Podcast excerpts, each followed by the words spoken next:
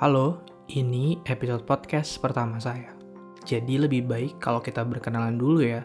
Karena ada pepatah yang bilang, tak kenal maka tak sayang. Mungkin setelah kalian sedikit kenal saya, kalian jadi sayang kalau melewatkan episode-episode podcast untuk kamu mendatang. Panggil saya Pu.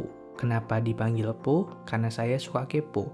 Suka ingin tahu banyak hal, dari yang penting sampai yang sangat amat tidak penting. Kayak, kenapa dunia ini bentuknya bulat? Kenapa nggak trapesium jajar genjang gitu? Dulu saya bercita-cita menjadi psikolog, karena keren aja gitu. Kalau sekarang nggak tahu, apa aja yang penting kaya. Saya penyuka makanan berbumbu kacang, terutama ketoprak. Kayaknya hampir semua ketoprak di kota saya udah pernah saya coba. Rasi bintang saya Aquarius, dan sekarang statusnya kalau di badminton tuh tunggal putra alias jomblo. Selain podcast, saya juga punya akun IG, YouTube, dan blog dengan nama yang sama, yaitu Ulat Pena. Jadi di follow ya. Nah, nama Ulat Pena sendiri udah saya pakai lama banget, sejak saya masih SMA, dan ada cerita memalukan di balik nama Ulat Pena, yang sebenarnya mau saya hapus dari ingatan saya. Tapi entah kenapa fitur selain Facebook memunculkan kenangan itu lagi sebagai salam pembuka dari podcast untuk kamu dan juga agar kalian lebih mengenal saya, saya ceritain sepotong kisah memalukan ini. Dengerin sampai habis ya.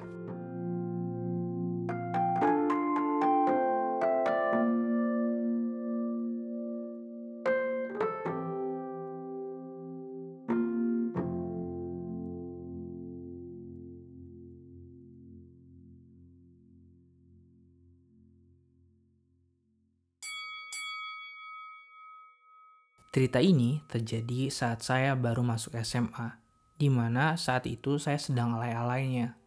Zaman di mana bangun pagi jadi keharusan, karena kalau telat 5 menit langsung suruh pulang. Dan saya langganan telat. Saya sekolah di kota yang terkenal sama gajahnya. Jadi pas kelas 1, bangunan kelasnya berbentuk L dengan dua lantai. Kelas saya ada di lantai bawah. Pas di depan pintu kelas, ada tangga untuk naik ke lantai 2 saya juga duduk di barisan paling depan, jadi kelihatan jelas setiap ada orang yang mau naik turun tangga. Karena posisinya masih baru masuk tuh, jadi belum banyak kenal sama anak-anak angkatan saya.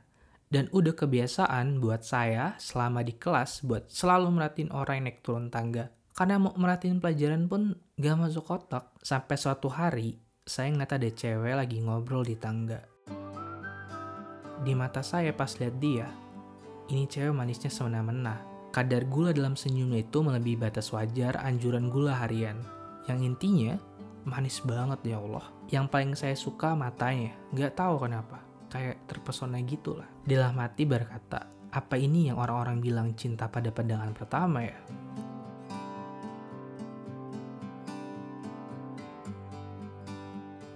Pas lihat-lihat, saya ngerasa familiar gitu sama dia. Pernah lihat di mana gitu, tapi lupa. Karena kekepoan tingkat tinggi saya saat itu, pulang dari sekolah saya ke warnet. Sengaja buat cari FB dia, soalnya zaman itu FB lagi hits-hitsnya. Jadi pikir saya nggak mungkin dia nggak punya Facebook. Setelah cukup lama searching-searching di Facebook, ketemulah foto profil yang mukanya mirip sama dia. Jadi fotonya tuh lagi berdua gitu sama temennya kepo tuh lihat-lihat dulu akunnya dari fotonya sampai status-status lainnya. Ternyata dia itu satu SMP sama saya dulu. Pantesan kok mukanya familiar. Ternyata pernah lihat pas lagi naik angkot depan sekolah. Udah tuh, setelah kepo selesai, saya add pertemanan. Karena saya pikir di zaman itu, kenal nggak kenal pasti dikonfirmasi. Setelah itu, karena saya orangnya cupu, bin introvert, dan tidak percaya diri, paket lengkap banget ya kayaknya. Saya cuma bisa mandang dia dari kelas saya setiap kali dia naik turun tangga. Memang terdengar sangat menyedihkan. Saya dulu juga punya cita-cita jadi penulis.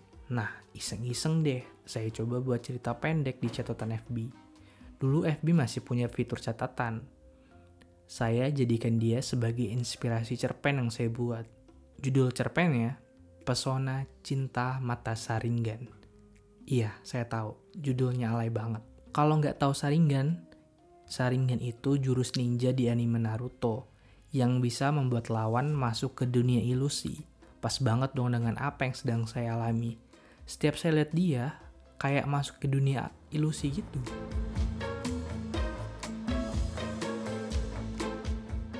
Setelah saya buat satu part, ada yang komen tuh nanyain siapa mata saringan.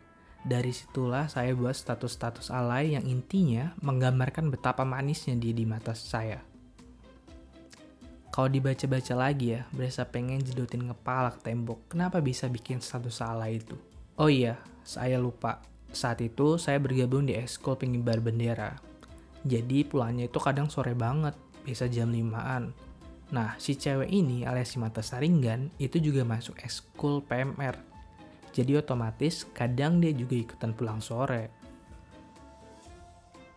Selang beberapa lama, gak kerasa udah buat tiga part cerpen yang menceritakan tentang si mata saringan ini.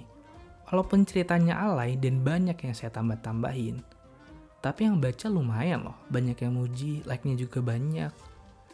Saya jadi semakin semangat nulis cerpennya, sampai suatu hari ketika ujian mid semester, pas lagi mau masuk kelas, tiba-tiba ada teman sekelas, cewek, yang nyamperin terus nanya, Eh, lo suka sama si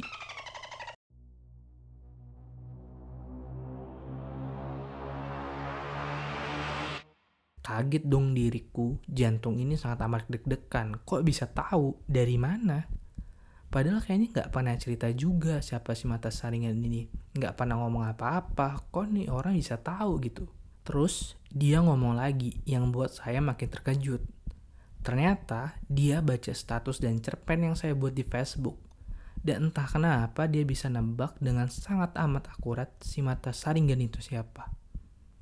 Saya saat itu masih bersikap cool aja, padahal malu banget kok bisa ketahuan alainya. Padahal kayaknya nggak temenan di Facebook juga. Makin susah jawab nih.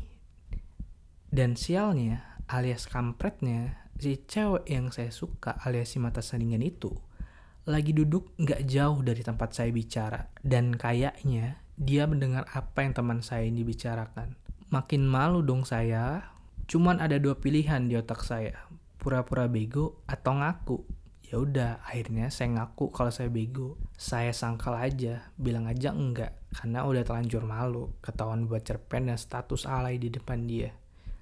Saya bilang enggak dengan tampang gak tahu apa-apa. Terus masuk kelas dan berkata dalam hati, ini kenapa gue tolol banget? Bayangin kalau kamu jadi saya ketahuan suka sama orang dan buat status alay tentang dia, mau taruh di mana itu muka?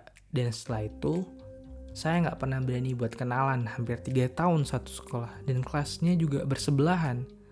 Tetap nggak punya keberanian buat sekedar ngobrol. Aneh kan?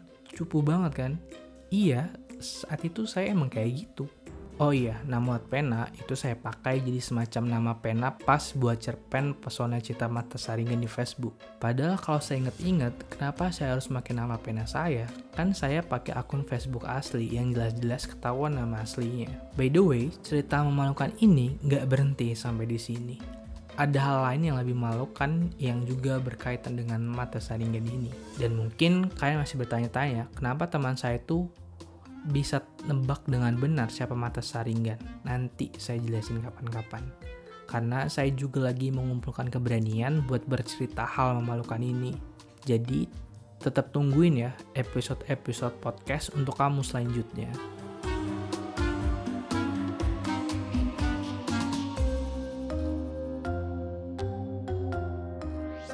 Oh iya, buat kamu yang mau berbagi cerita, bebas. Mau cerita bucin, cerita memalukan kayak saya tadi, atau kamu lagi ada masalah yang gak tahu harus cerita ke siapa, kamu bisa kirim cerita kamu ke sini. Bisa lewat IG, atau kamu bisa kirim email langsung di ulatpena@gmail.com.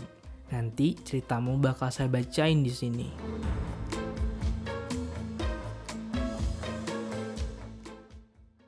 Eh, saya kepikiran tagline yang bagus nih buat podcast ini. Dengerin ya.